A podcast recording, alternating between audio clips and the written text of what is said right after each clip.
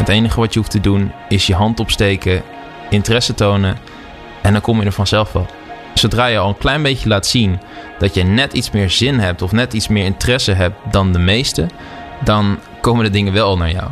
Dus het is eigenlijk een soort van opstapeling van gewoon ja zeggen. Dit idee wat we nu hebben, dat gaat me miljonair maken. Welkom bij Jong en Ondernemend. In deze podcast praat Oscar met bevlogen en eigenzinnige ondernemers. Waarvoor komen ze hun bed uit? Wat kunnen we van ze leren? Van brute blunders tot zinderend succes. Ze nemen je mee in het hele proces. Dit is Jong en Ondernemend. Dit is Jong en Ondernemend, de podcast. Hallo en cool dat je luistert naar de allereerste aflevering. Ik ben Oscar en al 29 jaar ondernemer. En ik interview elke twee weken één jonge entrepreneur. De allereerste gast in deze podcast is Paul Snijder. Hij staat symbool voor alles wat je kunt verwachten in deze serie. Hij is creatief, commercieel en zeer ondernemend. Hij staat vooraan bij de laatste ontwikkelingen op het gebied van social media, start steeds nieuwe projecten om van te leren en dat hij daarbij soms ook veel geld verdient is leuk, maar het is nooit zijn drijfveer. Alles over zijn TikTok-campagnes voor de social agency in Amsterdam GoSpooky, zijn samenwerking met mediaheld Bram Krikke en zijn NFT-project voor DJ Don Diablo dat verkocht werd voor 1,2 miljoen euro en alle headlines haalde. Zoveel succes op zo'n jonge leeftijd, dat is geen toeval. En daarom heb ik aan Paul gevraagd of hij zijn werkwijze met ons wil delen. Ik beloof je dat je aan het eind van deze aflevering een aantal tools in handen hebt om je eigen nieuwe ideeën om te zetten in concrete, succesvolle projecten. Veel plezier bij het inspirerende verhaal van Paul Snijder. Dit is Jong en Ondernemend, de podcast. Hey Paul, wat leuk dat jij vandaag mijn eh, gast bent. Van, van harte welkom. Dankjewel, dankjewel. Leuk dat ik er mag zijn. Ik heb je uitgenodigd omdat ik vind dat jij uh, een enorm creatief persoon bent. Innovatief, ondernemend en ook gekoppeld aan commercie. Voornamelijk, als ik het goed zeg, op het gebied van de social kant, hè? de social media. Zeker. En dat komt vooral omdat dat gewoon iets is wat, uh, wat op dit moment heel populair is. En dan wil ik me er graag in verdiepen. Moet ik wel zeggen dat als over twee jaar of als over drie jaar dat iets compleet anders is. En niet meer social, maar longform video, fictie, film is, dan uh, ben ik daar. maar nu ja. ben ik bij social. Ja, te gek. En ik wilde graag in deze podcast met jou praten over een aantal succesvolle projecten die je nu al uh, gedaan hebt. Bijvoorbeeld voor de DJ Don Diablo videoconcepten voor Bram Krikke en je werk op TikTok voor Go Spooky. Hè? Mm -hmm. Ja, om er maar een paar uit te lichten. Uh, jij start telkens nieuwe projecten. Uh, en vandaag wil ik graag dus aan, aan brainpicking doen bij jou. Van je aanpak leren voor, de, voor mij en voor de luisteraars. Inspiratie, maar eigenlijk ook vooral om concreet mee aan de slag te gaan. Want daar zitten ja. heel veel ondernemers, ook uh, ik zelf ook op te wachten van... Leuk al die, die theorieën die we ja, in al die managementboeken lezen, maar ja, hoe moet ik het nou zelf aanpakken? Dus ja, wat is je aanpak? Uh, wat is je geheim? Uh, en wat kunnen we ervan leren? Dus uh, dat tot zover even wat ik, nou, wat, wat, ik graag een beetje wil bespreken. Even voor een introductie van jou, om je meteen goed te leren kennen. Hoe oud ben jij? Ik ben 24. Als mensen op een verjaardagsfeestje vragen wat jij doet, Paul, ja, wat zeg jij dan? Oeh dat ligt eraan hoe dronken iedereen is. Meestal zeg ik, ik maak TikToks. Maar dat is dan uh, helemaal niet uh, uh, wat het allemaal is. Ik, ik zeg vaak dat ik gewoon creative ben. Ik zeg dat ik gewoon dingetjes maak. En dat ik dingen voor grotere bedrijven maak. Stel, je wint morgen een miljoen in de loterij. Wat zou je er dan mee doen? investeren. 100%. In wat? Oeh, crypto. Uh, businesses, uh, kunst, collectors items, huizen of huis. Um, er zijn een hele hoop dingetjes. Ik denk niet dat ik genoeg heb aan een miljoen. maar het is een start, toch? Zeker. Oké, okay. en uh, de laatste stelling. Als jij heel oud bent, hè, aan het eind van je carrière en je blik terug... Hoe wil jij dan dat mensen over je praten? Wat zou je cool vinden als wat mensen over je zeggen, wat je bereikt hebt of gedaan hebt? Het, het, maakt me niet zo heel erg veel uit wat mensen over de, wat, wat, ze van me vinden over de dingen die ik heb gedaan. Nee. Ik zou gewoon heel graag willen dat als ik heel oud ben, dat mensen wat van me konden leren. Uh, en dat is waarom ik denk dat als ik alles heb gedaan wat ik wil doen, en dat lijstje is niet klein, maar als ik alles heb gedaan wat ik wil doen, dan wil ik les gaan geven, of dan wil ik uh, cursus gaan doen, of dan wil ik mensen helpen om hetzelfde te bereiken. En daar wil ik een beetje voor onthouden worden. Dat lijkt me heel tof. Welke studierichting heb jij gekozen? Ik heb, nou ja, uh, ik heb audiovisueel vormgeven gedaan op het Graafs Lyceum in Rotterdam. En dat is een opleiding die zich voornamelijk focust op het maken van filmpjes, het schrijven van scripten en het analyseren van beeldmateriaal. Um, dat komt omdat mijn interesse altijd lag bij regisseren. Ja. Maar daarnaast had ik ook een hele grote passie voor uh, animaties en, en gewoon kunst. Dingen maken, dingen schilderen, dingen knutselen. Uh, en het Graafs Lyceum die heeft eigenlijk een soort van... Daar begin je met een, een, een, tussen, of een, een jaar waar je eerst moet gaan ontdekken welke kant je op wil. En dan ga je eigenlijk alles doen. Van tekenen tot grafisch design, tot uh, 3D, tot film maken. En dat eerste jaar, toen was ik al zoveel voor mezelf bezig met tekenen. En ik had een 3D-programma waar ik mee bezig was. Maar ik kon nog niks over film, want daar heb je gewoon equipment voor nodig. Daar heb je gewoon een camera voor nodig. En mijn iPod, die ik op dat moment had, die was echt niet goed genoeg om, om er constant filmpjes mee te maken. Dus dat was het enige vak waarvan ik dacht van, nou, dat wordt toch te lastig om te leren uh, door YouTube-filmpjes. Dus ga ik uh, een opleiding erin doen. En de rest kan ik allemaal nog wel leren via YouTube. Ontdekte je eigenlijk ja, ook tijdens die opleiding waar je voorkeur lag uh, bij het maken? Ik, ik zou niet zeggen dat het per se tijdens die opleiding was.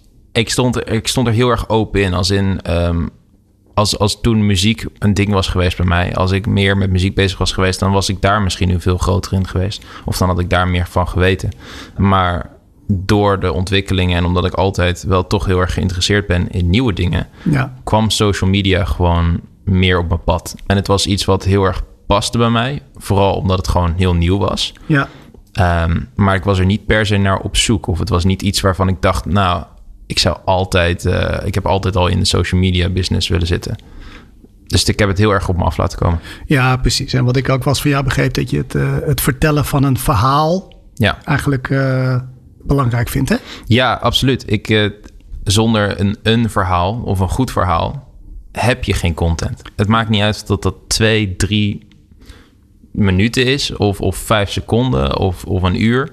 Als jij niet iets van een verhaal kan vertellen of iets kan laten zien waarmee jij de kijker aanspreekt, dan, ja, dan, dan hoef je het van mij niet te doen. Nee, ongeacht het, het, het medium. Ja. Um, na je opleiding, wat ben je toen gaan doen? Na mijn opleiding, of nou ja, tijdens mijn opleiding ben ik een onderneming gestart. Of tenminste, eigenlijk uh, ZZP-bedrijfje. Uh, en toen ben ik gewoon klussen gaan aannemen, omdat ik wat meer werkervaring wil opdoen binnen de, de, de filmbranche. Toen, uh, heel grappig, toen heb ik Tim en Liam van Go Spooky leren kennen. voor, nog voordat ik bij, bij Slam zat of, of andere dingen deed. En toen ben ik voor hun gewoon echt gaan filmen. Maar ik ben vooral door hun ingezet omdat ik um, ook het regisseren en het editen erbij kon oppakken. Dus gewoon een soort van complete package. Wat ik heel leuk vond, was een hele leuke uitdaging voor mij. Uh, toen heb ik dat een half jaar gedaan. Ik uh, onderbreek je heel even voor die paar mensen in Nederland die Tim en uh, Liam van Go Spooky nog niet kennen. Tim en Liam zijn twee ondernemers die uh, het social media, de social media agency Go Spooky hebben opgestart. Um, Ja. Volgens mij vijf jaar geleden nu. En nou, die, dat is keihard gegaan. En Dat toen is, waren eh, ze elf of hoe, hoe oud waren ze toen ze dat bedrijf, eh, als je praat over vijf jaar geleden? Ik, ik, ik- 18, echt 17, 18. Ja, Eh, eh, uit mijn hoofd zijn ze begonnen met, eh, met, met Snapchat. En daarvoor eh, eh, bedrijven faciliteren. ja, Eh, en dat is toen uitgegroeid naar een agency die gewoon prijzen heeft binnengesleept. Die echt hele toffe klanten heeft. Van een Amazon Prime tot Coca-Cola. Eh, ze hebben Pathé gehad, ze Hema, ehm, Albert Heijn, noem maar op. Eh, JBL. ja. En eh, ja, die jongens die hebben mij in een beginfase, toen het echt alleen nog maar Tim, Liam en een projectmanager Ruben was, hebben ze me gevraagd om, om aan het bedrijf mee te helpen en om gewoon dingen op te bouwen. Eh, nou, ik zal er zo wel even op Ja. terugkomen, maar om, inmiddels werk ik daar ook fulltime en is het bedrijf nu bijna met 100 man.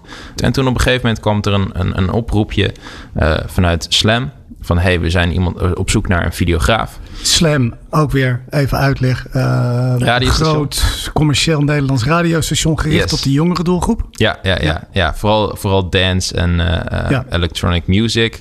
Ehm, en Slam is gewoon een heel jeugdige radiostation. En die waren op zoek naar iemand die video's voor hun kon maken. Want ze hadden nog niet echt een videoteam. En ze gaven mij de kans om daar fulltime te beginnen. Nou, voor mij was dat best wel indrukwekkend aangezien dat mijn eerste baantje was. Ehm, en er was ook nog niemand daar om het videoteam te begeleiden. Dus dat heb ik daar mogen opzetten in mijn eentje. Uh, en langzaam kwamen er toen mensen bij, uh, van stagiaires tot, tot andere videografen. Um, en daar heb ik ook uh, Bram Krikke leren kennen. Nou, dan wil ik jou ook weer even vragen voor echt die twee mensen in Nederland die hem nog niet volgen op Instagram. Uh, wie is Bram? nou, Bram, Bram Krikke is inmiddels een, een, social influencer en icoon, um, een comedy-icoon in Nederland. Ja. Die begonnen is bij First, waar hij een programma heeft gemaakt. volgens mij heeft hij nog een eigen bedrijf of een eigen YouTube-kanaal dat heet Knieperts gehad. En daarmee viel hij ook op en is hij aangenomen door Slam om als sidekick op de radio en op zijn eigen oh YouTube-show te maken. Ja. Uh, toen was Bram ook nog niet groot. Ik was niet groot. We waren twee onervaren broekies. Uh, maar we kregen wel de vrijheid om gewoon een leuke serie te maken. Nou, toen heb ik vanuit Slam en Bram vanuit Slam hebben we samen Bram in de buurt gemaakt. Ja. Uh, ik was, was dat een serie op YouTube? Ja, ja, ja, ja. En dat is eh, voor Bram een punt geweest dat hij echt een platform kreeg om te groeien, om nog harder te groeien. Uh, en daarnaast hadden, hadden Bram en ik gewoon een goede band en zijn we begonnen met het maken van, van Instagram-video's voor zijn profiel. En die combinatie van Bram op YouTube en Bram online uh, was gewoon een hele goede match. Dus hij is daar heel snel heel groot in geworden. En dat heeft voor mij natuurlijk ook een hele hoop opgeleverd. Van nieuwe connecties tot uh, nou ja, meer ervaring. Wat deed jij precies voor Bram? Dus bedacht jij ook de video's mee? Ja, dus, dus het, dat was echt een team effort. We, we, zitten samen, we zitten samen om een tafel. We doen het nu nog steeds uh, af en toe. Mm -hmm we gaan samen om een tafel zitten. We gaan verzinnen, nou, wat kunnen we doen? Wat is leuk? Wat is actueel? Wat, wat vinden mensen leuk om nu te zien? Soms dan komt Bram met een idee aan waarvan hij zegt... nou, hey, dit moet ik echt proberen, want ik, ik kom, dit, dit komt niet uit mijn hoofd. Of soms heb ik een idee en dan komt het gewoon niet uit mijn hoofd. Nou, die leggen we bij elkaar. Ja. En dan uh, is het eigenlijk gewoon uh, brullen... totdat we uh, zoiets hebben van... nou, we moeten dit gewoon doen. Ja. en de, de soort van de golden rule was altijd... als we niet helemaal stuk gingen voordat het überhaupt geschoten was... Ja. maar alleen al bij het idee, dan was het een goed idee. Ja. Was het, waren we erover aan het twijfelen, dan deden we het al niet. Ja, en het is eigenlijk een soort serie geworden... voor hem het begin van zijn carrière... althans, als ja. mediapersoonlijkheid. Want hij was natuurlijk daar eh, DJ bij, uh, bij Slam. Of Sidekick, wat jij zegt. Ja. En voor jou als maker en om van, hey, wow, hoe groot kan iets worden? Uh, op dit moment heeft Bram een miljoen volgers op Instagram. En volgens mij, ehm, want ik denk niet dat hij veel volgers in Engeland of in Duitsland heeft, in het buitenland. Nee, klopt. Dat zijn uh, voornamelijk Nederlandse volgers. Dus dat is echt uh, puur op Nederland gericht. Dat is echt belachelijk eigenlijk. Zo groot. Dat is inderdaad voor Nederlandse begrippen is dat uh, ben je dan wel een beetje tegen het eind aan van hoeveel je hoeveel volgers je nog kan, kan krijgen. Iemand als Bram spreekt natuurlijk tot de verbeelding, omdat toen bij Slam had hij 50.000 volgers, niet eens. En, maar eigenlijk ook, daarom vraag ik erover, door jouw toedoen, door jullie samenwerking, ehm, is hij natuurlijk ook gegroeid als een malle. Ja. Als je nou in alle onbescheidenheid zegt, uh, denk jij, uh, hoe groot denk jij dat jouw rol uh, in de opbouw daarin geweest is? Of... ik, ik, ik vind het lastig om te zeggen. Maar ik, ik weet ook dat Bram uh, het hiermee eens is als ik het zeg. Dat het wel echt een hele grote. Dat ik een hele grote rol ben geweest in het groeien van zijn profiel. Gewoon als, als influencer en als karakter. Um, hij heeft het uiteraard allemaal zelf gedaan. Het is zijn, hij is wie die is. En dat de, de karakter en uh, wat je te zien krijgt, dat komt allemaal vanuit hem. Ja. Um, ik, ik wil wel geloven dat ik hem de juiste tools heb gegeven om ook echt alles eruit te halen. Uh, de, de, ruggengraat, om het zo maar even te zeggen. Um, maar het, is, uh, het blijft altijd een team effort. Um, en ik speel daar ook gewoon een grote rol in. Ik zou niet zeggen dat dit niet zou kunnen hebben gedaan zonder mij. Ik denk alleen dat het een stuk langzamer zou hebben gegaan als, als het. En voor mij ook overigens. Ik bedoel, als ik niet met Bram had samengewerkt, dan had ik hier waarschijnlijk niet eens gezeten. Nou, kijk, dat, dat zou kunnen. Hè? Um, hoe ik het, maar dat wil ik aan jou vragen. Wat ik vaak zie bij ondernemers en ondernemende mensen, dat er een soort kantelpunt is. Dat je dus alles wat je geleerd hebt en wat je eigenlijk vanuit jezelf automatisch als logisch ervaart, ineens concreet ziet worden. Ja. Kan jij zeggen dat slam, samenwerking, eerste baantje, ja, ik vul hem al bijna in voor je, dat dat een belangrijk kantelpunt voor je geweest is? Zeker. Het, uh, dat was absoluut een belangrijk kantelpunt voor me geweest. Maar ik geloof dat er heel veel kantelpunten zijn om, om op momenten te komen. Als in, als ik nooit op de advertentie had gereageerd. Uh, of als ik nooit Tim en Liam überhaupt was tegengekomen online door gewoon interesse te tonen in het project wat ze aan het doen waren, dan was ik er al niet gekomen. Dan had ik de ervaring niet opgedaan, dan was ik misschien niet aangenomen. Bij Slam had ik Bram nooit gekend.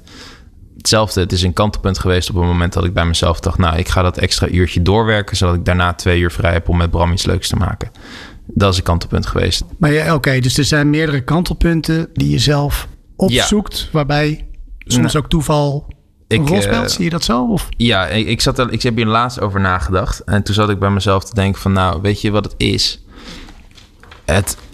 Je, dit soort dingetjes hoef je niet eens te forceren. Maar het is geen toeval. Het enige wat je hoeft te doen is je hand opsteken, interesse tonen en dan kom je er vanzelf wel. Als in dan, dan, uh, dan, dan merk ik heel erg van ja, je hoeft niet per se te verwachten dat het allemaal naar jou toe komt. Maar zodra je al een klein beetje laat zien dat je net iets meer zin hebt of net iets meer interesse hebt dan de meeste, dan komen de dingen wel naar jou. Dus het is eigenlijk een soort van uh, opstapeling van gewoon ja zeggen. Uh, van, gewoon van gewoon doen. En dat is een soort van filosofie die er nu bij mij in zit gebakken. En dat heb ik niet eens meer door. Maar als ik terug ga kijken naar het afgelopen jaar al, hoe, hoe, het, hoe eigenlijk het gewoon een ketting is. Van ik doe dat, dat levert dit op. Dan gebeurt er weer dat, dan gebeurt dat, er gebeurt dat. Het is allemaal elkaar gelinkt. Alleen maar omdat ik zeg, oké, is goed. Of ja, lijkt me leuk. Dit is Jong en Ondernemend, de podcast. Toch ben je op een gegeven moment weggegaan uh, bij Slam. Ja. Uh, waar, hoe kwam dat? Ik, uh, nou ja, ik heb daar toen twee jaar gewerkt. En zoals ik al zei, ik heb er ontzettend veel geleerd. Ik heb er Bram leren kennen. Maar op een gegeven moment, wat ik daar moest doen, werd me Um, ja, ik, ik, had, ik had alles wat ik daar kon leren, had ik voor mijn gevoel al geleerd. En ik wou nog steeds heel graag met Bram samenwerken. En uh, de combinatie van Slam, die toen een klein beetje moeilijk ging doen over het feit dat ik met Bram heel veel dingetjes kon doen, maar dat Slam er eigenlijk niet bij betrokken werd. Uh, is voor mij gewoon een drempel geweest om te kijken, nou, misschien moet ik toch op zoek naar wat anders. Ja. En ik weet niet hoe, maar uh, Liam van Go Spooky, waar ik het net over had, uh, die rookt dat. En die had zoiets van, hey Paul, zullen we eventjes gaan, gaan lunchen of zullen we even ja. gaan borrelen? En tijdens die borrel had hij zoiets van, nou, lijkt, lijkt je het leuk om, nu je toch iets meer in de social zit, meer met Bram hebt gedaan, lijkt het je leuk om fulltime bij ons te komen? Toen heb ik gezegd, nou, ja, let's go. Dus toen ben je naar, um, naar Go Spooky, hè, een social agency. Ja. Eigenlijk um, een reclamebureau in ouderwetse termen, maar dan heel specifiek voor social media. Hè? Ja. ja. En toen ben je daar, heb je die stap gemaakt om daar te gaan werken? Ja, ik heb die stap gemaakt en uh, dat was heel grappig, want de agencywereld voor mij was compleet nieuw. Um, ik, ik, ik wist niet eens, uh, zeg maar dat er meerdere agencies waren. Wat voor agencies dat dan waren. Um, ik had nog nooit iets van een deck gemaakt of laat staan echt aan een, presentant pre, uh, aan een klant gepresenteerd. Um, dus dat was een leuke uitdaging voor mij, waar, ik, waar, waar ik heel erg gelukkig van werd. Dat ik dacht van ja, eindelijk weer echt eventjes iets heel erg nieuws leren. Ik ben wel begonnen bij GoSpooky voor 32 uur per week. Dus niet fulltime. Zodat ik nog één dag over had die ik nog wel met Bram kon uh, besteden. Uh, dus ik ben ook nog gewoon de afgelopen anderhalf jaar doorgegaan met het werken met Bram. Um, en sinds dit jaar ben ik eigenlijk fulltime bij GoSpooky begonnen. En als ik zeg fulltime, dat betekent niet dat ik daarna niks meer, daarnaast niks meer doe. Uh, ik werk daarnaast ook nog gewoon aan mijn ZZP. Ik doe nog steeds klusjes waar we zo ongetwijfeld ook nog ja, over gaan ja, praten. daar wil ik, wil ik alles over weten. Wat mij, uh, zeg ik gewoon eerlijk tegen je, wel verbaast... is dat je na loondienst eh, slam. Eh, ondernemend en creatief als je bent. Toch weer bij, eh, dus bij een, een, een vaste instelling ging werken. Hè? Dus Ja. eh, is, deed je dat voor het geld? Nee, eh, totaal niet zelfs. Ehm, dat gezegd hebben, geld vind ik echt een van de laatste motieven die ik, die ik heb om, om dingen te doen. Ehm, maar ik ben daar gaan werken.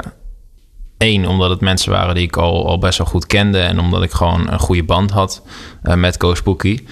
Maar voornamelijk omdat er gewoon mensen zitten bij Go Spooky... waar ik zoveel van kan leren... dat het voelt niet als een, als een baan. Het voelt als bijna een soort van opleiding. Bijna een soort van cursus. Ik denk van ja, als ik mezelf over vijf jaar wil kunnen verbeteren... en ik ga nu op mezelf... dan kan ik dan ga ik me zoveel langzamer ontwikkelen dan als ik gewoon gepusht word, in het diepe gegooid word en, eh, en, moet gaan, gaan zwemmen met, eh, met de sterrenspelers. En zo voelde het een beetje voor mij. Dus toen ben ik bij Go Spooky gaan zitten. Juist om die ambitie vanuit andere disciplines ook mee te krijgen. En om daarvan te leren. En om gewoon... Dus ja, ik, ik, ik heb altijd bij mezelf van... Als je echt heel goed wil worden... dan moet je 100% alleen maar naar anderen blijven kijken en daarvan leren. En niet per se eh, naar anderen blijven kijken als... oh, die heeft dit, ik wil dat ook. Maar gewoon puur van blijf observeren. En dat gaat gewoon lastiger als je ZZP'er bent. Je komt al mensen tegen en je leert wel van mensen... maar niet zo goed als dat je in een onderneming zit... ehm, en, en een team zit. Om heel even een beeld te geven. Ehm, wat doe jij daar precies? Voor, wat, voor welke klanten werk jij als je een voorbeeld moet noemen? Ik eh, werk er als creative. Eh, eh, en om eerlijk te zijn heb ik, ben ik daar ook een beetje begonnen als gewoon echt maker. Ehm, maar nu voornamelijk echt creatief. Dat betekent dat ik gewoon dekken en concepten uitbouw voor klanten. En eigenlijk over het afgelopen jaar heb ik me gefocust op één klant. En dat is JBL. Ja. Audio eh, merk. Ook een van de grotere klanten van Go Spooky. Ehm, een merk wat heel erg open staat voor innovatie. Maar ook super groot is. Een enorm bereik heeft. En eh, heel enthousiast zijn over, over hoe Go Spooky werkt. Dus ik heb daar al mijn energie in kunnen gooien om nieuwe dingen te ontdekken. Als ik iets nieuws wou weten, dan kon ik daar naar de klant toe en gewoon zeggen: hey, ik wil dit heel graag proberen, want het lijkt me gewoon super tof. Daar ook TikTok mee begonnen. eh, dat nu aan het uitbreiden en aan het uitgroeien tot iets, iets moois. Dus eh, TikTok begonnen. eh, ze wilden zich dus positioneren op TikTok. Ja. En jullie helpen ze dan met een strategie. Ja. En ook met het maken van de content. Ja, en ik pak dan echt het, het creatiestuk op ehm, van begin tot eind. Dus ik film het niet meer zelf, ik edit het niet meer zelf, maar ik ben wel creatief verantwoordelijk van het begin tot het eind. En ik vind het ook gewoon leuk om dat te blijven regisseren. Eh, en als ik er zo op terugkijk, eh, toen ik begon, toen was het net aangemaakt. Toen hadden we geen volgers. Eh, en nu zitten we net boven de 250.000 volgers. Nog heel even over Go Spooky. Mhm. Ik heb echt heel veel bedrijven gezien in mijn leven. Maar ik, heb, ik sta elke keer versteld over dat die twee jongens op hun, eh, nou, laten we zeggen, 14e, 15e begonnen zijn. Eh, toen met Go Spooky zijn begonnen. eh, met z'n tweeën. En daar werkt nu hoeveel mensen? Ja, bijna 100. Bijna 100. Overigens, om even te Ja. eh, releveren hoe, hoeveel 100 man zijn. Ik ben de afgelopen drie weken op vakantie geweest. En ik Ja. kwam terug en er waren zes mensen die ik nog nooit had gezien. Zes mensen aangenomen in de afgelopen drie weken alleen al. Eh, en dat blijft maar zo doorgaan. Het is absurd. Voel jij je daar nog, mag ik je natuurlijk vragen, eh, hoop ik. Eh, voel, voel je je daar thuis bij? Want je was werknemer nummer 20, Ja. hè, wat je mij vertelde. En nu zit je op, op 100. Is het nog steeds hetzelfde warme bad? Voor mij wel. Maar dat komt omdat ik voorrecht, op, oprecht overtuigd ben hoe je erin staat en hoe je omgaat met je collega's. Maar gewoon de mensen die er zitten zijn nog steeds A-spelers. eh, en nog steeds mensen waarvan ik heel veel kan leren. En ik hoop dat dat gewoon heel erg lang nog hetzelfde blijft. Maar als ik kijk naar de, de core culture binnen het bedrijf, dan is dat gewoon een must om daar te werken. Als in, als jij niet als jij geen zin hebt om op te staan om naar je werk toe te gaan en je hebt geen zin om iets nieuws te leren of je hebt, je hebt, je hebt het gevoel dat je constant alleen maar achter de feiten aan het aanlopen bent in plaats van innoveren, dan werk je niet bij Go Spooky. Dat is al een soort van, dan, dan zit je er al gewoon niet. Uh, bij Co Spooky richten jullie heel veel op diverse social media, Snapchat, ja. uh, Instagram. Maar TikTok wordt, wat ik begreep, een steeds belangrijker. Uh, ja, waar jullie je klanten bij helpen. Ja. Wat is eigenlijk de meest gestelde hulpvraag van klanten die ze stellen bij jullie om ze te helpen bij TikTok? Ja, ja, ja. nou ja, het is, het is het is altijd grappig, want niemand weet precies hoe TikTok werkt. Iedereen vindt het altijd super vaag. Uh, hoe kan het nou dat die video zoveel views pakt? En hoe kan het nou dat dat bedrijf in één keer heel groot is? Of waarom, waarom pakt onze video nou drie views? En mensen komen dan naar GoSpooky toe om daar een beetje een antwoord op te zoeken. En die antwoorden, die, eh, ik denk dat we die in grote lijnen wel hebben. Uh, maar het blijft een onvoorspelbaar platform. En dat maakt het ook zo super interessant. En zo moet je er ook gewoon naartoe gaan. Uh, je moet niet verwachten, oké, we gaan traditioneel, net als op de net als op tv of op de radio of op wat meer gesettelde social media platformen, gaan we uit van, een, van KPI's van 20.000 views en zoveel mensen die klikken door naar onze website. Nee, je gaat het platform op. Je gaat kijken naar de cultuur die erop zit. Je gaat kijken hoe kan mijn bedrijf matchen met de cultuur die erop zit. Of welke cultuur wil ik precies aanspreken. En dan ga je cateren voor die cultuur. Je gaat niet je bedrijf promoten op de traditionele manier. Niet hoe jij het jezelf wil laten zien. Je gaat laten zien hoe je. Um, je gaat zien zoals mensen je willen zien. En wat wij doen, is daar een middenweg in vinden. Dus om te kijken hoe kan een groot bedrijf die een duidelijke cultuur heeft, die een duidelijke uh, uh, way of working, een hele uitgedachte strategie heeft, passen bij een doelgroep die veel meer scattered is, misschien jonger, misschien meer uh, extreem. En hoe kunnen wij een middenweg vinden zodat de content die we maken nog steeds past bij de doelgroep, nog steeds aanslaat op TikTok, maar ook nog steeds bij het bedrijf past? Ja, en dat is, dat is eigenlijk jullie kracht. Klopt het dat, dat, dat ik als ik zeg dat de, de platformcultuur van mhm. TikTok uh, korte, zeg maar muziekfilmpjes of vaak met humor, uh, rauw geschoten, is dat dat is, Formuleer ik dat goed? Of is, dat is op, op eerste aanzicht, zeg maar, is dat precies wat het is. Als in, er worden korte filmpjes gemaakt en die worden uh, gemaakt met, met muziek die er op het platform te vinden is. Het is vaak met de telefoon geschoten en het is heel um, ehm, DIY first. Als in, je hebt geen camera nodig om TikTok te maken. Je kunt je telefoon gebruiken en je kunt daar groot mee worden. Wat ik daarmee ook, zeg maar, wat, wat, wat mij opvalt in het platform, is dat het ook niet uitmaakt waar je het, waar je het voor doet. Het gaat om de mensen die je aanspreekt. Dus je hebt een, een doelgroep die lekker doorscrollt en die het leuk vindt om naar dansfilmpjes te kijken. Je hebt een doelgroep die het leuk vindt om naar wat meer high quality content te kijken. Wat je bijvoorbeeld ziet in de, in de kook uh, scene. En dan heb ik het over uh, ja. koken. Ja, dat, zoiets dacht ik al. dan, uh, dan zie je dat er bijvoorbeeld best wel veel kwaliteit content is van mensen die mooie plaatjes van eten schieten. Waar er gewoon echt gebruikt wordt, waar er gewoon een camera gebruikt wordt om de content voor TikTok mee te schieten. En dat werkt ook. En dan heb je een hele andere kant. En dat zijn mensen die, uh, twee vrienden die een, een, een short, uh, grappig filmpje aan het maken zijn. Die het gewoon met een telefoon. Dat werkt ook. Ja. Het is, dus ik zou niet zeggen dat het een platform is alleen voor filmpjes en, en DIY schieten. En daarmee uh, groot worden, dat dat makkelijker is dan als je het, gewoon een professionele partij erop zet of als je het gewoon met een goede camera doet. Um, het pakt, het, het, het is allemaal goed. Alleen het is hoe je je verhaal in die video vertelt. Het is hoe je connect met die audience. Als mijn audience niet zit te wachten op high quality filmpjes, dan werkt dat niet. Dan, is dat, dan moet je dat niet gaan doen. Maar als mijn, high, mijn, mijn audience daar wel op zit te wachten, uh, het zou raar zijn omdat het het platform het, nou ja, je denkt bij jezelf, nou, de platformcultuur is rauw geschoten met de telefoon en weet ik veel wat. Maar als ik een, een uh, pagina heb die volledig gefocust op camera's, zou het heel gek zijn als ik dat rauwe, die rauwe cultuur naga. En dan past het denk ik helemaal niet bij TikTok. Dus uh, ja, het, is, het zijn dansfilmpjes, het gaat om muziek, het, het wordt met een telefoon geschoten. Maar het is niet alleen exclusief dat. Het is veel, veel meer nog. Ja, nee, dat leg je echt heel helder uit. Uh, ik zit echt uh, best regelmatig op TikTok. Het is echt verslavend. Met name door de structuur van de For You-page. Ja.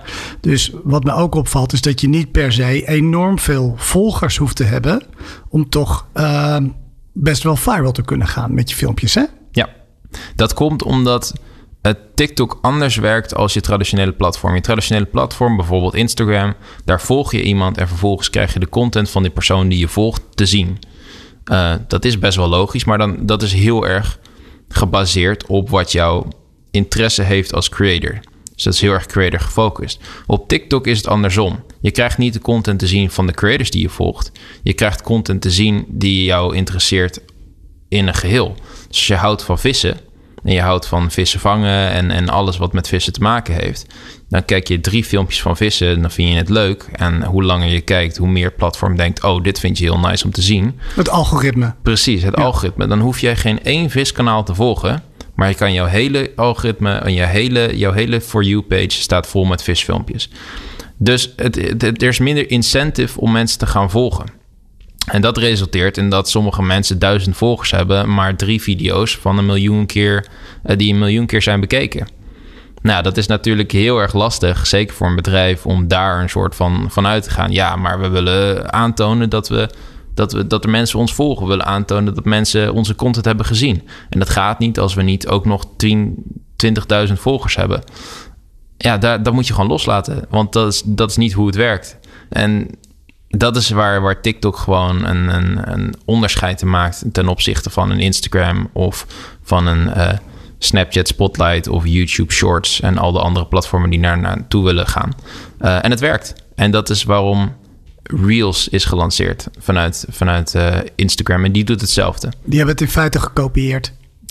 Ze hebben het gekopieerd, maar dat is niet iets wat per se nieuw is. Uh, de hele story-functie van Instagram is gekopieerd vanuit Snapchat, de early days. Hebben ze eerst geprobeerd over te nemen? Ja, het is, uh, dus het is helemaal niet gek dat de dingen gekopieerd worden. En dus zo moet het ook gaan. Want anders dan, dan, dan groeit het hele concept ook niet. er zijn mensen die wel naar Reels kijken, maar niet naar TikTok. En die op een gegeven moment overstappen naar TikTok omdat ze er al in zijn geleid de Reels. Maar wat Reels nu bijvoorbeeld doet, is dat je inderdaad wel, je kijkt naar Reels, je swipe naar onder en je krijgt content te zien van creators die je niet volgt, maar gebaseerd op de video die je hebt gezien. Ja, dus in feite eh, een soort algoritme uh, gebaseerd op de For, You page weer van, van, TikTok. Ehm, dat is gewoon heel interessant. Uh, dat is veel lastiger voor een bedrijf om dat stukje algoritme of, of die manier van denken te tackelen.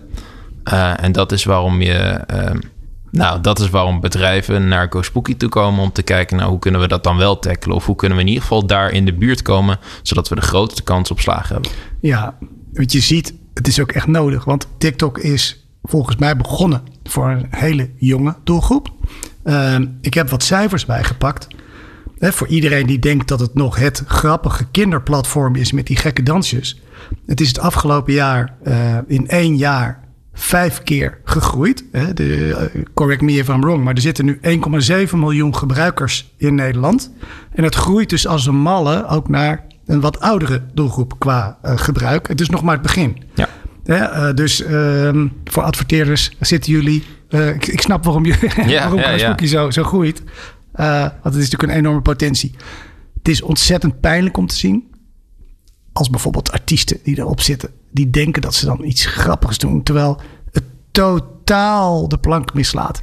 Ja, ik, ik heb zoiets van uiteindelijk moeten... Wat er, wat er vaak gedaan wordt, ook vanuit artiesten... of vanuit influencers die niet precies weten hoe het platform is. Ze gaan cateren, ze gaan proberen te cateren naar het platform. Zoals ik net al zei, dat moet je ook doen. Je moet ook gewoon kijken naar wat je audience leuk vindt. Mm. Maar het is heel makkelijk om daar te ver in te gaan. En om gewoon te zeggen bij zichzelf van... ja, weet je misschien begrijp ik nog niet helemaal wie ik hier aanspreek.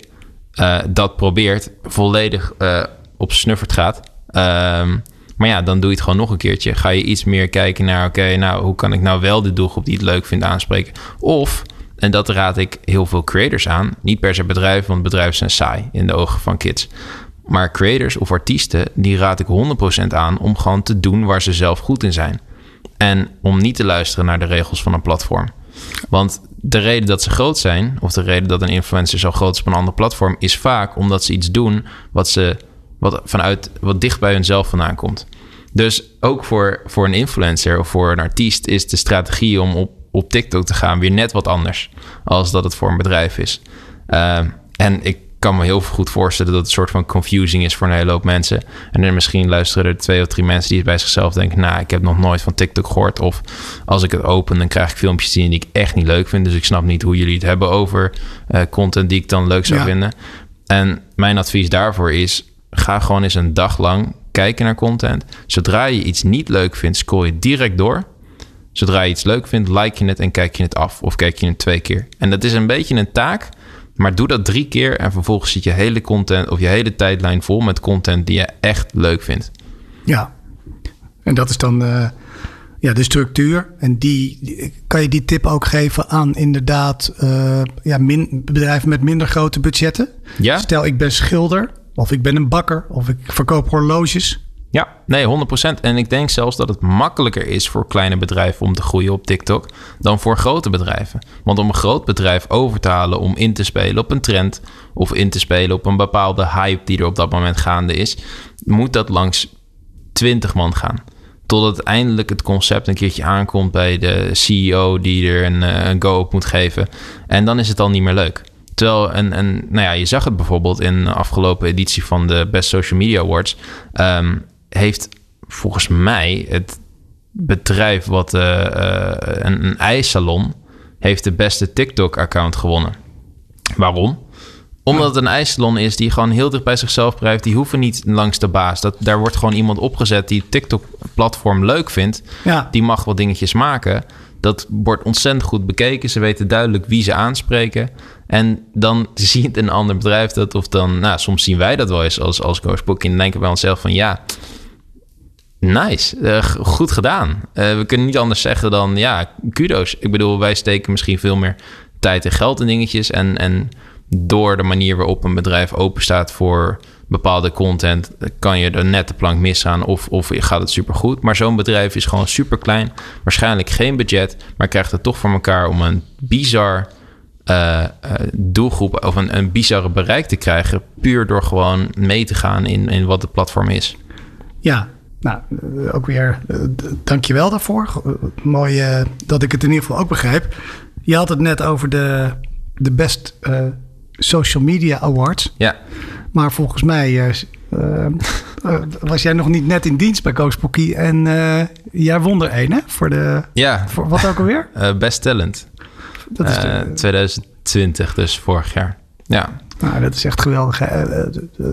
Merk je dat zo'n zo'n prijs veel voor je doet? Um, nou, het geeft me gewoon weer net een stukje meer aandacht op uh, online. Dus uh, ik hou er een hele hoop uh, LinkedIn-connecties aan over.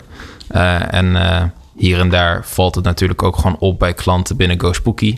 het is super lief dat ik ook gewoon vanuit verschillende bedrijven of ja, klanten van ons gewoon een complimentje heb gekregen. Ehm, moet ik eerlijk zeggen dat die prijs voor mij hoe leuk het ook is, is eigenlijk alleen maar een bevestiging dat ik goed bezig ben. Ja. En dat is heel erg leuk om te krijgen. Maar het is absoluut niet een, een, een soort van uh, um, milestone. Het is gewoon de volgende dag is exact weer hetzelfde. Maar ik ben wel, ik kan wel trots zijn. Want het, het wordt herkend dat ik het goed doe. En dat is heel fijn. Ja, nou, dat is gewoon een mooie bevestiging. Ja. En het is ook uh, ego-strelend toch ook wel een beetje? Uh, nou ja, ja, zeker. Dit is Jong en Ondernemend, de podcast. Nou, Paul, daarbij ben je ook zelf nog eigen ondernemer. Klopt. Naast uh, alle dingen die ik net over Koosboekje verteld, uh, doe ik zelf ook nog dingetjes. Ja, en dan ben ik heel geïnteresseerd in. Uh, kijk, je doet zo ontzettend veel, maar ik wil graag een paar projecten uitlichten. Of vind je het leuk om zelf iets te vertellen waar je op, wat je gedaan hebt? Ja, nou ja, je, je zei het uh, net al heel eventjes, ja. uh, volgens mij aan het begin. Maar ik heb voor, voor Don Diablo uh, vorig jaar een project gedaan. leg heel even uit. Don Diablo, een, een wereldberoemde discjockey. Ja, wereldberoemde DJ die eigenlijk, nou ja, toch wel een beetje de elektronische scene, groot, een grote naam is in de elektronische scene. Um, voor mij echt een artiest waar ik dacht dat ik nooit meer zou samen kunnen werken. Um, en, en vorig jaar had ik een idee. Toen was uh, de lockdown net begonnen uh, in maart. En, en ik zat bij mezelf van ja, natuurlijk dat hele festivalseizoen dat gaat niet meer door. En ik zat bij mezelf te denken, ik zag het natuurlijk al een paar keer. En je ziet het gewoon aankomen. Oké, er gaan digitale DJ-setjes komen. En de, de eerste was gedropt en het zag er niet uit. Het zag er echt dat ik dacht bij mezelf van je, dit, dit zit hier geen verhaal in. Uh, het was een, een 3D stage gemaakt waar een DJ dan op stond. Heel duidelijk gegreenscreened. Dus een, een, een uh, digitaal DJ-setje is... ik zit thuis achter mijn iPad of computertje... Of de, tv. Te genieten van uh, of Ja. de tv. Ah, oké. Ja. En je, en je kijkt een, een, een DJ die staat te draaien alsof hij op een festival staat. Ja. En het eerste wat, wat ik bij mezelf dacht is... waarom als je in één keer gaat switchen van een fysieke locatie naar een digitale set... ga je jezelf restricten door weer een DJ-podium na te maken. Je kan overal staan. Je Ja. kan eh, jezelf in de gekste dingen photoshoppen... maar je besluit om op een podium te gaan staan... met mensen die eh, voor het podium aan het springen zijn zoals, zoals je het kent. En ik snap waar het vandaan komt, want het is gewoon... ehm, ja, mensen willen gewoon dat gevoel terug hebben... maar het is niet tof. Het is heel saai.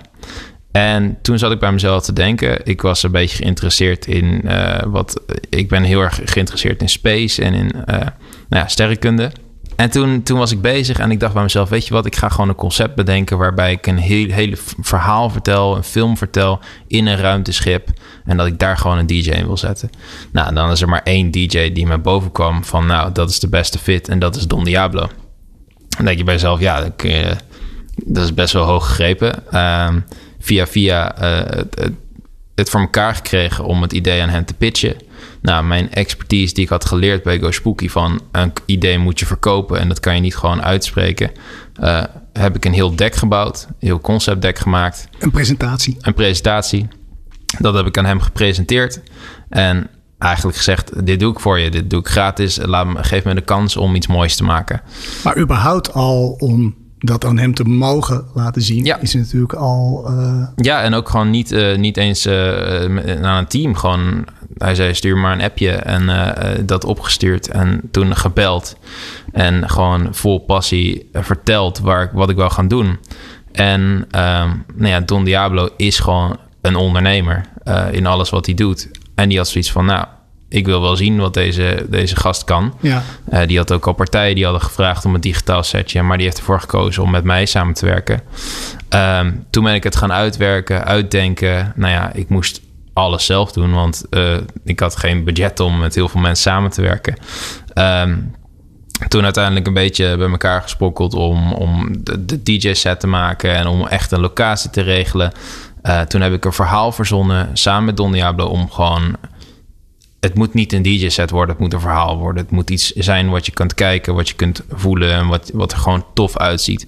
Plus, ik wil de boundaries van. van ehm, ik wil de boundaries van, eh, hoe heet het nou, techniek even opzoeken in zo'n DJ-setje. Want normaal gesproken, wat er gedaan wordt, even voor, voor mensen die niet heel technisch zijn, je, je schiet zo'n DJ voor een, een greenscreen. Ja. Die film je voor zo'n greenscreen. Vervolgens haal je het groene weg en dan zet je hem op een digitale, in de digitale wereld.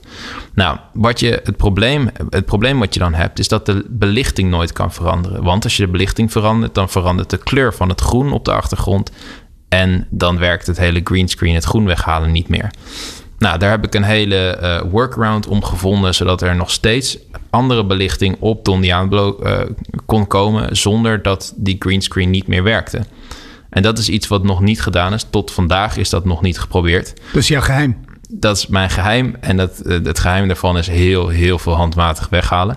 Ehm, sterker nog, dit was gewoon een, een, een set van een uur waar ik iedere dag voor een half jaar lang bezig ben geweest om frame voor frame alles weg te halen. Zo, man. Uh, het was een, een, een, project wat me echt tot het uiterste heeft gedreven in, in terms van wat moet ik dit wel afmaken.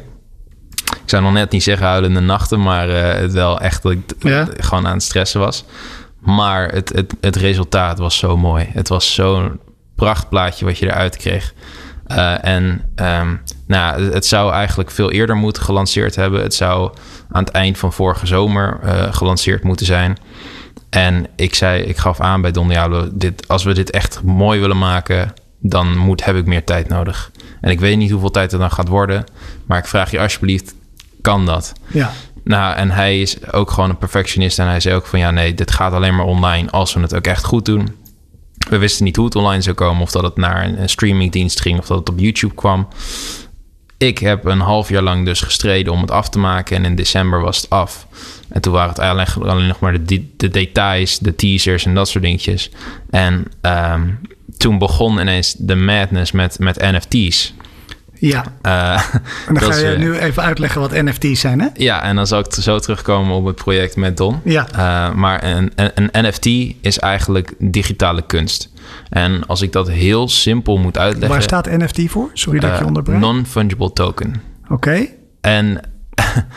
um, dus dat is niet inwisselbaar voor, voor een, een, een ander iets? Ja, wat het is, het is echt je kan het 100% vergelijken met traditionele kunstschilderijen. Je maakt een schilderij en er is maar één schilderij die jij hebt geschilderd. Je kan er een kopie van maken, maar dan is dat een kopie. Je kan er een foto van maken, maar dan heb je een foto. Het originele schilderij, dat heb je in je handen, dat hou je vast. Ja. Wat een NFT is, is dat door middel van blockchain-technologie en crypto, dat is allemaal heel ingewikkeld, maar dat hoef je ook niet te begrijpen. Om dit te begrijpen, is dat het het toelaat om een unieke code te zetten op een digitale foto of een digitale video, waardoor jij kan bepalen dat een plaatje wat je hebt uniek is. Eén uniek kunststuk zoals jij je traditionele schilderij hebt. Alleen wordt dat geregistreerd op een enorme cloud database, uh, wat we dan het Ethereum-netwerk noemen. Uh, nou, vind je het interessant? Absoluut even opzoeken wat het precies is. Maar zoals ik al zei, um, het gaat erom dat je digitale kunst online kan zetten en kunt verkopen. En dat jouw naam er altijd aan vast blijft zitten.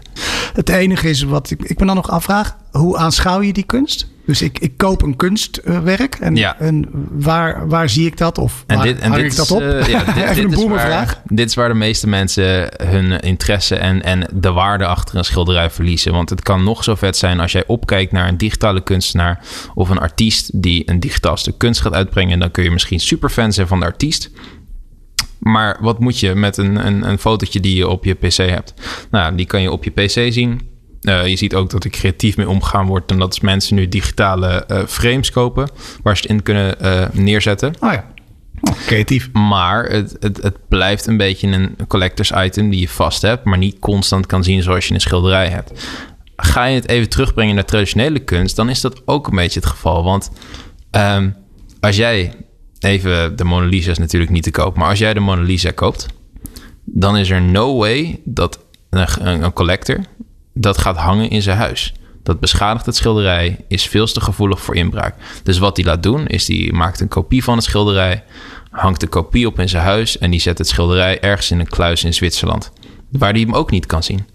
Als je het zo bekijkt, dan is traditionele kunst en, en de NFT is niet anders. Het is exact hetzelfde. Je hebt hem alleen nu op een database staan, waar je altijd naartoe kan en hem altijd kan zien. En je kan altijd een kopietje of een, een, een print screen uitprinten en, uh, en die aan je muur hangen. Ja, ja oké. Okay. Nou, dan, uh, dan begrijp ik het. Dan begrijp ik het nu ook. Top. En uh, nou goed. Om en wat dus, heb jij gedaan voor, voor Don Diablo? Heb je dit project omgezet in een NFT? Of? Ja, nou ja, ik ben toen uh, zelf begonnen met het maken van NFT's. Uh, oh ja. Ik vond het superleuk om gewoon de... Uh, nou ja, ik was toen zo al veel mee bezig met die digitale assets voor Don Diablo. Ik dacht van, nou, ik ga gewoon even mijn eigen dingetjes maken. Ik heb toen, nou, nu inmiddels in totaal 32 NFT's verkocht. Echt als artiest zelf? Ja, echt als artiest zelf. Dus onder mijn eigen naam. En dat is bizar dat ik dat heb kunnen verkopen... aangezien ik nog geen naam heb binnen die artiesten uh, Hoe heb je dat uh, cultuur. Uh, door een strategie te verzinnen. Uh, en dat is iets wat... Uh, ik was sowieso al redelijk snel bij de, bij de um, hype van zo'n NFT. Ik ging gelijk aan uh, wat mensen die in de crypto zitten van... hey, hebben jullie hiervan gehoord? Uh, is dit voor jullie ook zo nieuw als dit voor mij is? En die zeiden ook van... oh nee, nee, ik heb er wat van gehoord. Schijnt dit en dit, zijn. Ik zei, oké, gaan we zullen we met z'n, allen een groep opstarten? Een crypto uh, of een soort van NFT-groep. WhatsApp-groep met wat mensen die het gewoon interessant vinden. Uh, en daar heb ik uh, veel uit geleerd, maar ook gewoon mijn eigen research gedaan. Van nou, oké, als ik dan zo'n kunstenaar wil zijn die digitale kunst verkoopt, hoe moet ik dat dan aanpakken? Waar moet ik mijn kunst dan verkopen? Uh, zo ben ik bij platformen terechtgekomen, mensen leren kennen, artiesten tegengekomen. En heb ik dus langzaam een naam op kunnen bouwen. met de strategie van, nou, ik ga gewoon mezelf marketen als een kunstenaar die al veel langer bestaat. Ehm, en ik ga een lijn uitbrengen aan kunststukken die heel erg aanslaan op bestaande kunststukken. Dus wat ik had gedaan, is ik had een robot gemaakt. Ja. En die robot, dat is gewoon een iconisch, eh, iconisch robotje. En die had ik constant in schilderijen verwerkt van bestaande kunstwerken. Dus de Mona Lisa bijvoorbeeld had ik vervangen met die robot. Ah. En eh, ehm, even kijken hoor, wat, wat nog meer. Eh, Girl with the Pearl Earring Ja. had ik ook vervangen met de robot. En dat is natuurlijk iets waarvan je als collector zoiets hebt van... nou, ik investeer niet alleen in de kunstenaar... maar ik herken dit beeld ook. Dus het wordt voor mij ook makkelijker om over tien jaar door te verkopen. Want de waarde zit hem niet eens zozeer in mijn stuk... maar het zit hem in het schilderij wat ik heb gebruikt... eh, om als eerste instantie iets te maken. Ging ontzettend hard. Eh, in, voor mijn doen echt heel veel geld mee verdiend in een hele korte periode. Eh, geef even een indruk. Ehm, nou, We zitten hier ook een beetje voor de, voor de numbers, hè? Ja, nou ja, de- tegen de 100k aan wel. Meen je? Ja, 100.000? ja in een maand. Wow. En, en, en voor hoeveel stuk? Ik, nou, ik, eh, ik moet even naar woorden zoeken. Ehm, wat kost één werk? Eh, nou ja, ze gaan de veiling in. En ik zet ze te koop voor 250 euro. Of destijds 250 euro. Eh, en dan gaan mensen zich eroverheen bieden. En dat loopt op tot en met de 10.000 euro voor een stukje. eh, naar 5.000 euro voor een stukje. Zo, dus je probeert het via het veilingmodel de, eigenlijk Ja. dat mensen tegen elkaar op gaan bieden. En wat, wat mensen, wat, dat, was ook man. een eh, stukje strategie die ik had. En dat werkt nu minder goed, omdat het, de markt wel een beetje overzaagd is met nieuwe kunstenaars. Maar toen was het nog best wel schaars. Er waren niet zoveel kunstenaars die dat deden. Ehm, dus wat ik deed, is je zag al die kunstenaars die eh, zagen wat voor geld eruit werden gegeven. En die zetten hun, hun werk te koop voor 2, 3 Ethereum. Eh, dat stond toen gelijk aan, aan 6000 euro of eh, 5000 euro. Ik weet niet meer precies. Ehm, maar die zetten dat voor een flink bedrag online. En ik was de enige op het hele platform die mijn werk voor 200 euro online zette. Dus wat Ah. je dan krijgt is, die, die veiling die begint pas op het moment dat er iemand op heeft geboden. Omdat mijn getal zo laag was, zag je dat heel veel mensen gewoon een startbedrag erop gooiden.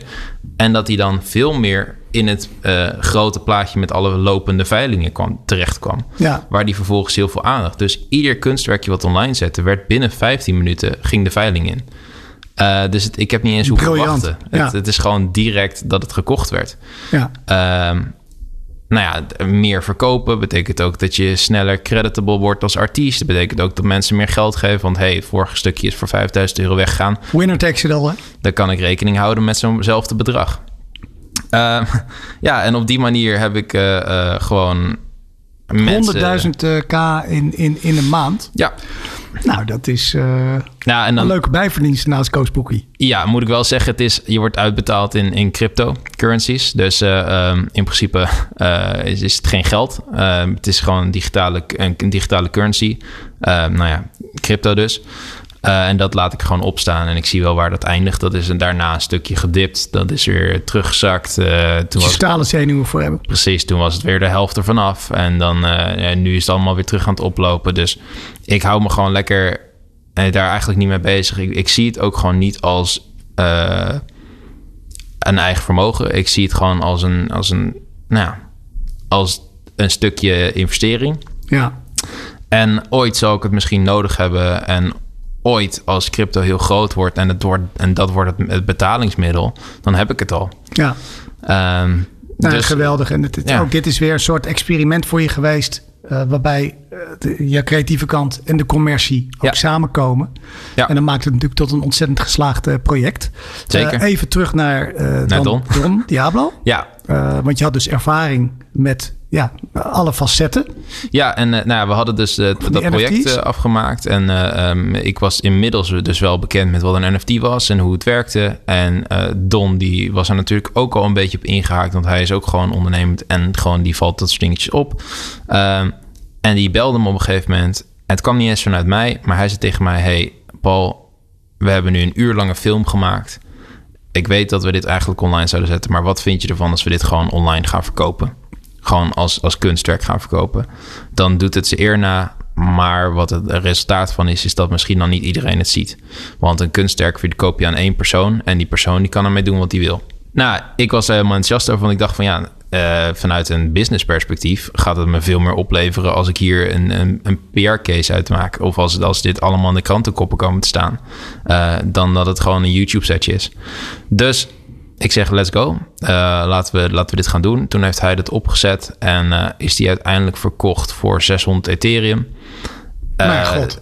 Dat was toen 1,2 miljoen voor die set.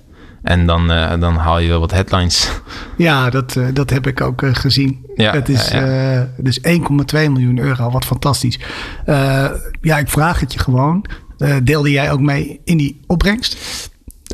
Nee. Of heeft hij jou betaald als zijnde opdrachtgever voor de klus? Hij heeft mij... Um, nou, het was een passieproject. Maar nadat het verkocht is als NFT... ben ik gewoon betaald voor wat ik heb gemaakt. Um, dan zou je kunnen zeggen, ja, eigenlijk had het gewoon gesplit moeten zijn. Um, vind ik persoonlijk niet. Als in zeg maar, dit is zo'n gevalletje van, ik, ik weet wat ik waard ben, maar dit levert me zoveel meer op als ik hier humble over blijf. En als het enige wat ik vraag is dat mijn naam overal op komt te staan. Ja. En dat is waar ik vind dat ik op dit moment gewoon goed in betaald ben. Als in, daarna kwam uh, eh, eh, NOS op 3 naar me toe om een interview uh, te vragen. Ik heb nog een paar andere interviews gedaan. Jeugdjournaal? Jeugdjournaal, ja, dat was die NOS. En dat heeft me gewoon weer gezorgd dat, dat er weer een kettingje, wat ik aan het begin van de podcast zei, je hand opsteken, ja zeggen en alles aannemen wat je, wat je ziet. En dat heeft er gewoon voor gezorgd dat ik nu een aantal klussen heb die nog veel groter kunnen worden dan wat ik tot nu toe heb gedaan met die NFT's. Uh, en dat, dat, dat dat dan weer zo heel erg mooi op elkaar inspeelt, is alleen maar omdat ik niet te veel ga zitten op de details. Niet te veel ga kijken naar, oké, wat, wat, um, wat voor voordeel heeft een andere persoon hier nou uit ten opzichte van mij. Nee, gewoon puur naar mezelf kijken. En wat heb ik nodig om te bereiken of om die volgende stap te maken. En dat was voor mij heel erg duidelijk. Oké, ik ga alle aandacht pakken die hier op afkomt. En ik ga het volledig embracen. Dat is waarom we het er nu over hebben. Dat is waarom ik, nou ja, zoals ik al zei, eh, interviews heb gedaan op, op 538 en op uh, Q, Q Music. Gewoon puur zodat de mensen die willen weten hoe een NFT werkt, naar mij toe komen. Ja, dat je echt expert wordt. Ja. Je praat zo um, alsof het allemaal logisch is, hè? Die stappen die je gemaakt en de successen die je boekt. Wat ik heel erg veel heb, en toevallig zijn mijn vriendinnen het, het gisteren nog, uh, toen ik het had over een aantal dingetjes. Of was dat niet? Nee, het was de dag daarvoor en ik had met een maat was ik uh, een idee aan het bespreken.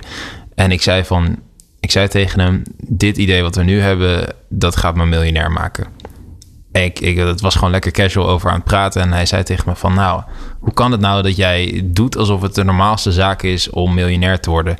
Uh, terwijl je niemand kent die miljonair is, zelf niks, zeg maar, geen ervaring hebt of niks. En ik had daar helemaal niet bij stilgestaan, maar ik zat bij mezelf gewoon te denken van, ja, maar dat is wat ik heel graag wil. Dus dan komt het toch wel. Je wil graag miljonair worden? Nou ja, ik, ik wil gewoon... Als experiment? Als experiment lijkt het me heel leuk om dat voor elkaar te krijgen. Uh, ik heb dat uh, ooit een keertje als grapje tegen een, een, een, vriend van mij gezegd toen ik 16 was. Dat als ik niet voor mijn dertigste miljonair was, dat die van mij 30.000 euro kreeg. Nou, ik had toen 20 euro op mijn bankrekening staan. Um, je bent nu 24. Ik ben dus nu 24. Nog, volgens mij ben je redelijk. Uh, de, de, de, nou, de, basis is, is, is in ieder geval gelegd. De basis is gelegd. Uh, ik kan het absoluut niet uitstippelen. Maar hey, als ik twee jaar geleden keek, dan had ik niet eens verwacht dat ik nu hier was waar ik, waar ik ben. Uh, dus het kan zomaar in één keer gaan lukken. Maar het is gewoon een soort van Murphy's Law. Everything that hap can happen, happens. En ik heb gewoon een instelling van: hey, als ik dit heel graag wil en ik geloof erin dat dit gaat gebeuren, dan gaat het gebeuren. En er is niet, niemand die tegen me gaat zeggen dat het niet kan. Of dat het me niet gaat lukken. Uh, er is niemand die, die tegen mij hoeft te zeggen van nou, je kan dit niet doen. Uh, of ga, weet je zeker dat je dit wil doen, want het gaat waarschijnlijk falen. Daar kom ik zelf wel achter en tot nu toe is dat nooit gebeurd. Nou, ik uh, wil eigenlijk nu juichend halleluja roepen. En dat uh, meen ik uit de grond van mijn hart. Ik heb nog één vraagje. Dat gesprek van twee, jaar geleden, uh, van twee dagen geleden. Hè? Ja. Welk ideetje was dat? Ja, dat... Dat Dan is, luistert, eh, eh, wat ik al zei, toch geen hond, joh. Dus eh, nou ja, ik. eh, of ga je dat ik- niet ik delen wil- met ons nog? Ik ga, ik ga het delen, maar niet te veel. Ik wil niet te veel weggeven. Oké, nou dan wil ik aan je vragen, want eh, om, om dan, hou hem nog even vast. Ik hou hem nog even vast.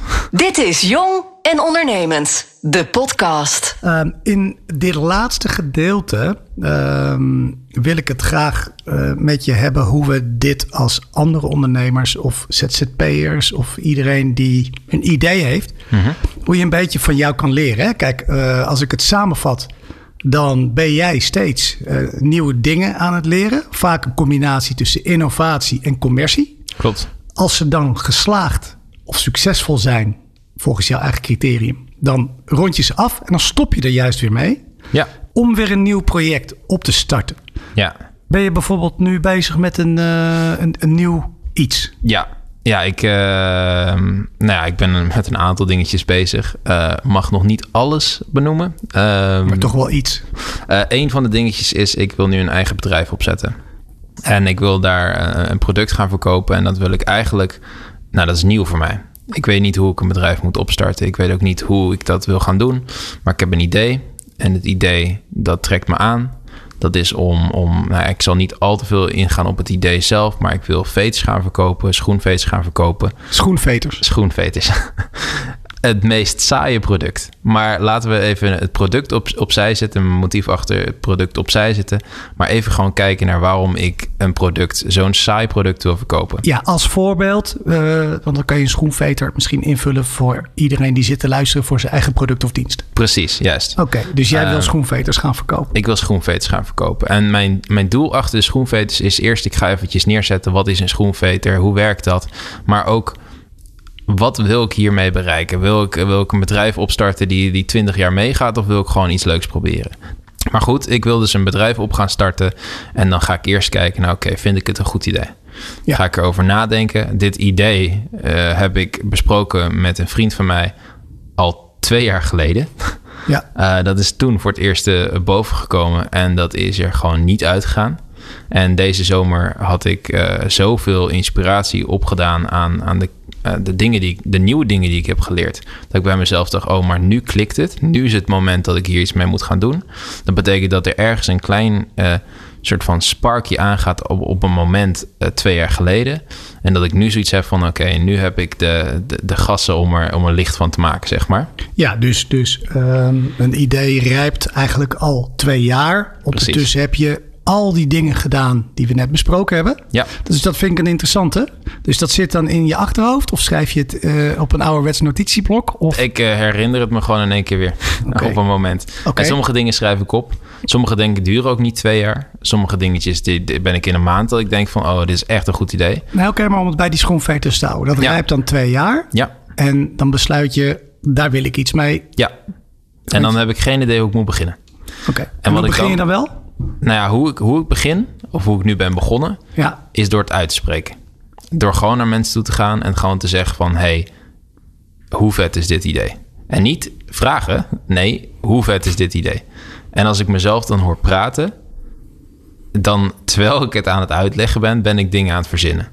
Dus het idee wat ik, wat, waar het mee begon... eh, ik wilde graag het product wat luxe maken... en ik wil een, een markt, op een markt gaan inspelen die er op dit moment niet is. Nou ja, dat zal bij iedere ondernemer net iets anders zijn natuurlijk. Maar het gaat om het feit dat je jezelf moet overtuigen... dat het een goed idee is. En zodra je jezelf op overtuigt en daarin doorgaat... en daar eigenlijk helemaal eh, over, zeg maar, over de rooien van bent...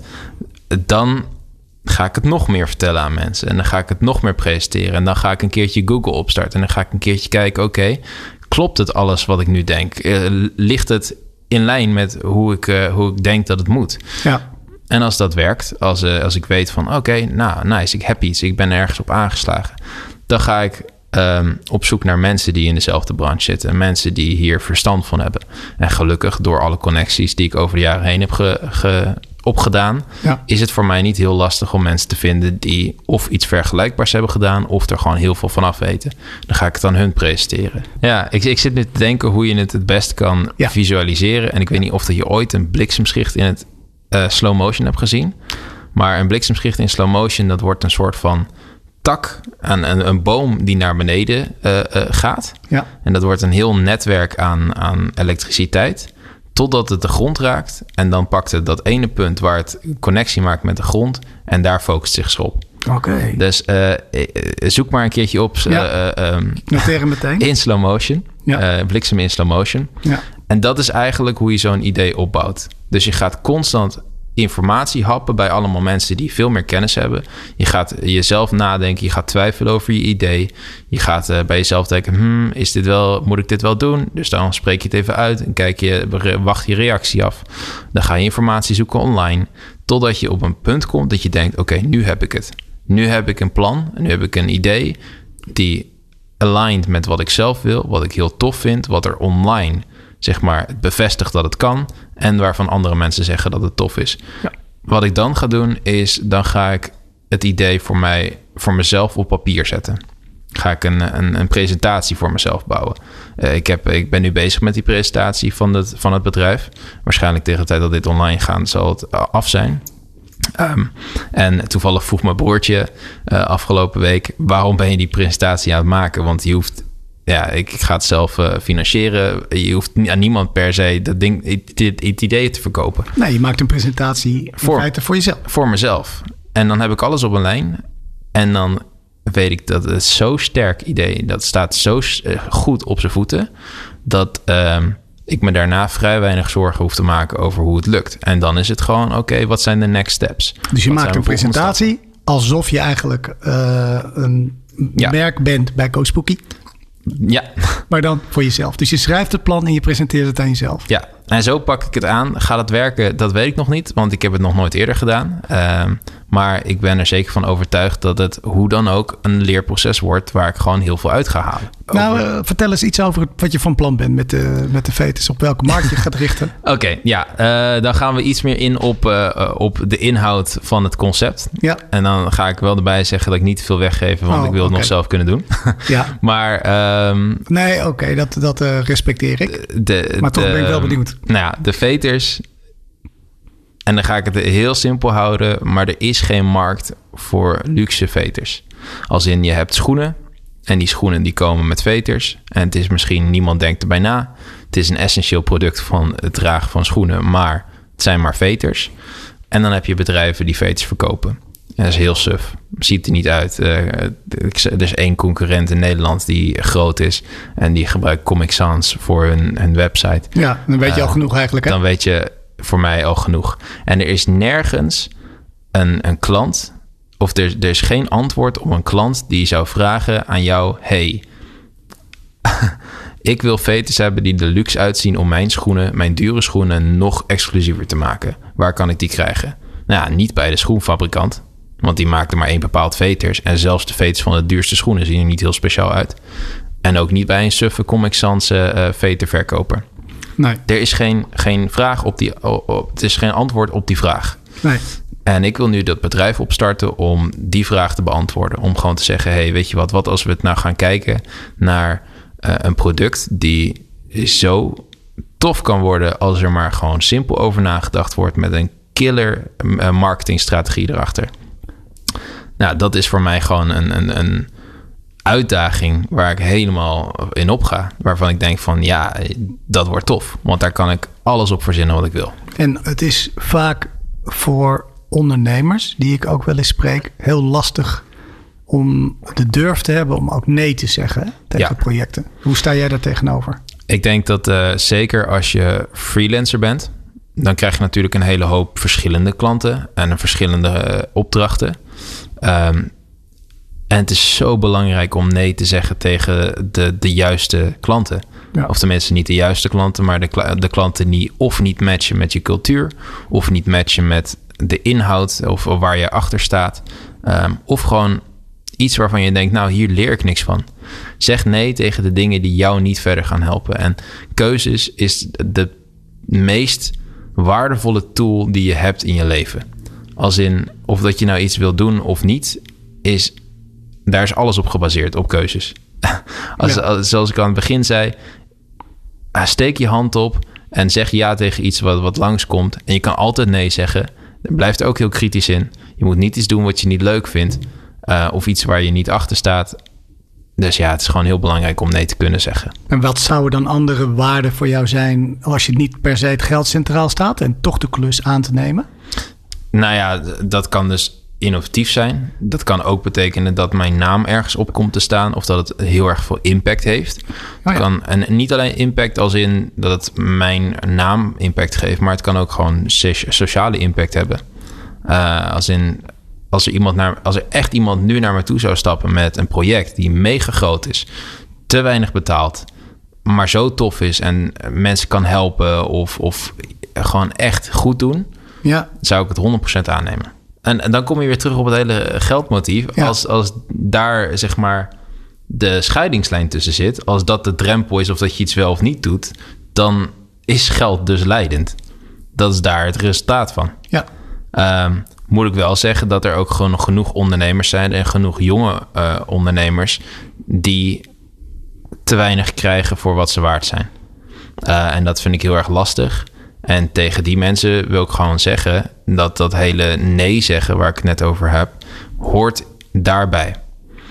Um, en dan moet je niet nee zeggen omdat je. Uh, dan moet je niet nee zeggen omdat je niet genoeg betaald krijgt, maar dan moet je nee zeggen omdat je er misschien niet genoeg waardeerd wordt. Of omdat je niet het, bedrijf niet de waarde inziet die jij kan leveren. En dan moet je je waarde ergens anders plaatsen. Dus voor mij, vanaf het moment dat ik nee begon te zeggen en vanaf het moment dat.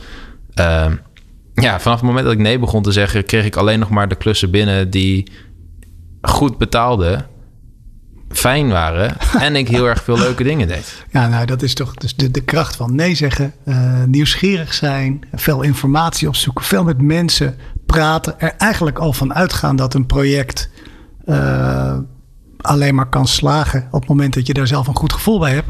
Ja. Nou, dat zijn toch echt fantastische dingen. Ik wil nog één laatste vraag over dit. Vind ik een heel leuk woord. Passieprojecten. Ja. um, ik kan me er iets bij voorstellen, maar hoe omschrijf jij zelf een passieproject? Nou ja, passieprojecten zijn gewoon alle projecten die ik uh, heel graag wil doen, die niet uit mijn hoofd komen. Dat, dat, eh, dat vonkje wat, uh, wat er zit, uh, waar, ik niet, waar ik niet vanaf kom. En zo'n passieproject, dat kan ook. Want ik wil wel even duidelijk maken dat. of duidelijk maken klinkt heel heftig, maar ik wil wel even zeggen dat heel veel mensen die struggelen met het feit dat ze een idee in hun hoofd hebben. En dat het idee dat ze niet weten waar ze aan moeten beginnen. Of dat ze het idee de volgende dag al niet meer leuk vinden. En dat het heel erg lastig is om die volgende stap te maken van er echt een realisatie, echt iets van maken. Ik struggle ook met dat. Dat betekent dat 50% van de ideeën die ik heb, die laat ik los, die laat ik gaan. Daar doe ik niks mee. Ben ik niet trots op, want het liefste pak je natuurlijk ieder idee op, maar je moet ook gewoon een beetje kiezen op een gegeven moment. Maar onderschat voor jezelf gewoon niet hoeveel waarde zo'n idee kan hebben.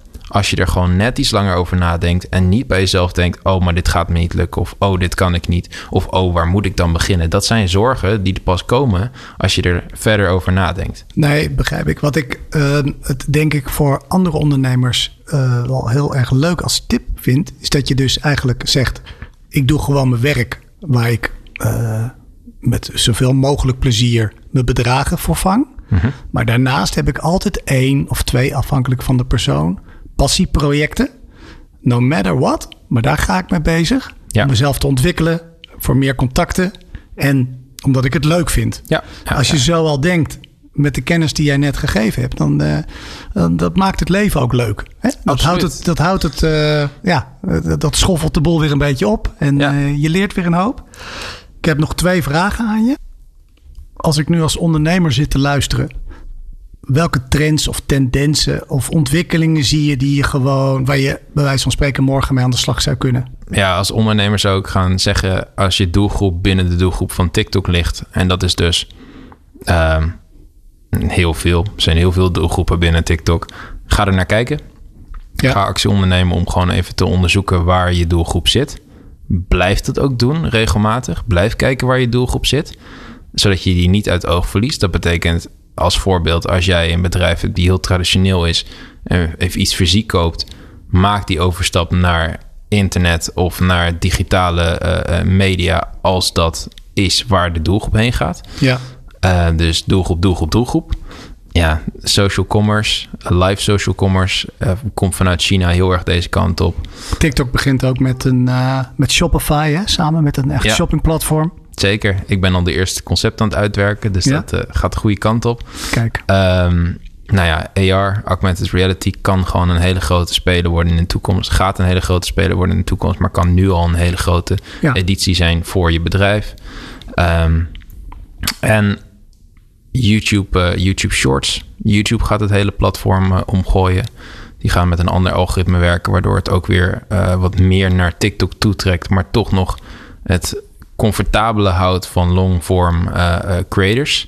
Longform zijn video's langer dan? Nou gemiddeld? ja, het zijn niet technisch sinds longform gewoon filmlengte. Maar oh, ik vind longform vind ik uh, video's van creators die 20 minuten video's maken. Vind ja, ik okay. al best wel lang. En shortform? Shortform is onder een minuut. Zeg onder de minuut. Ja. Waar sta jij over vijf tot tien jaar? De, los van het feit dat je dan miljonair bent voor je dertigste, want daar geloof ik heilig in. Dat je oh. dat gaat lukken. Want ik, ik, ja, ik kan niet zeggen waar ik sta. Ik heb wel een uh, soort van bucketlist uh, die ik uh, hoop af te werken voor, voor ik oud ben.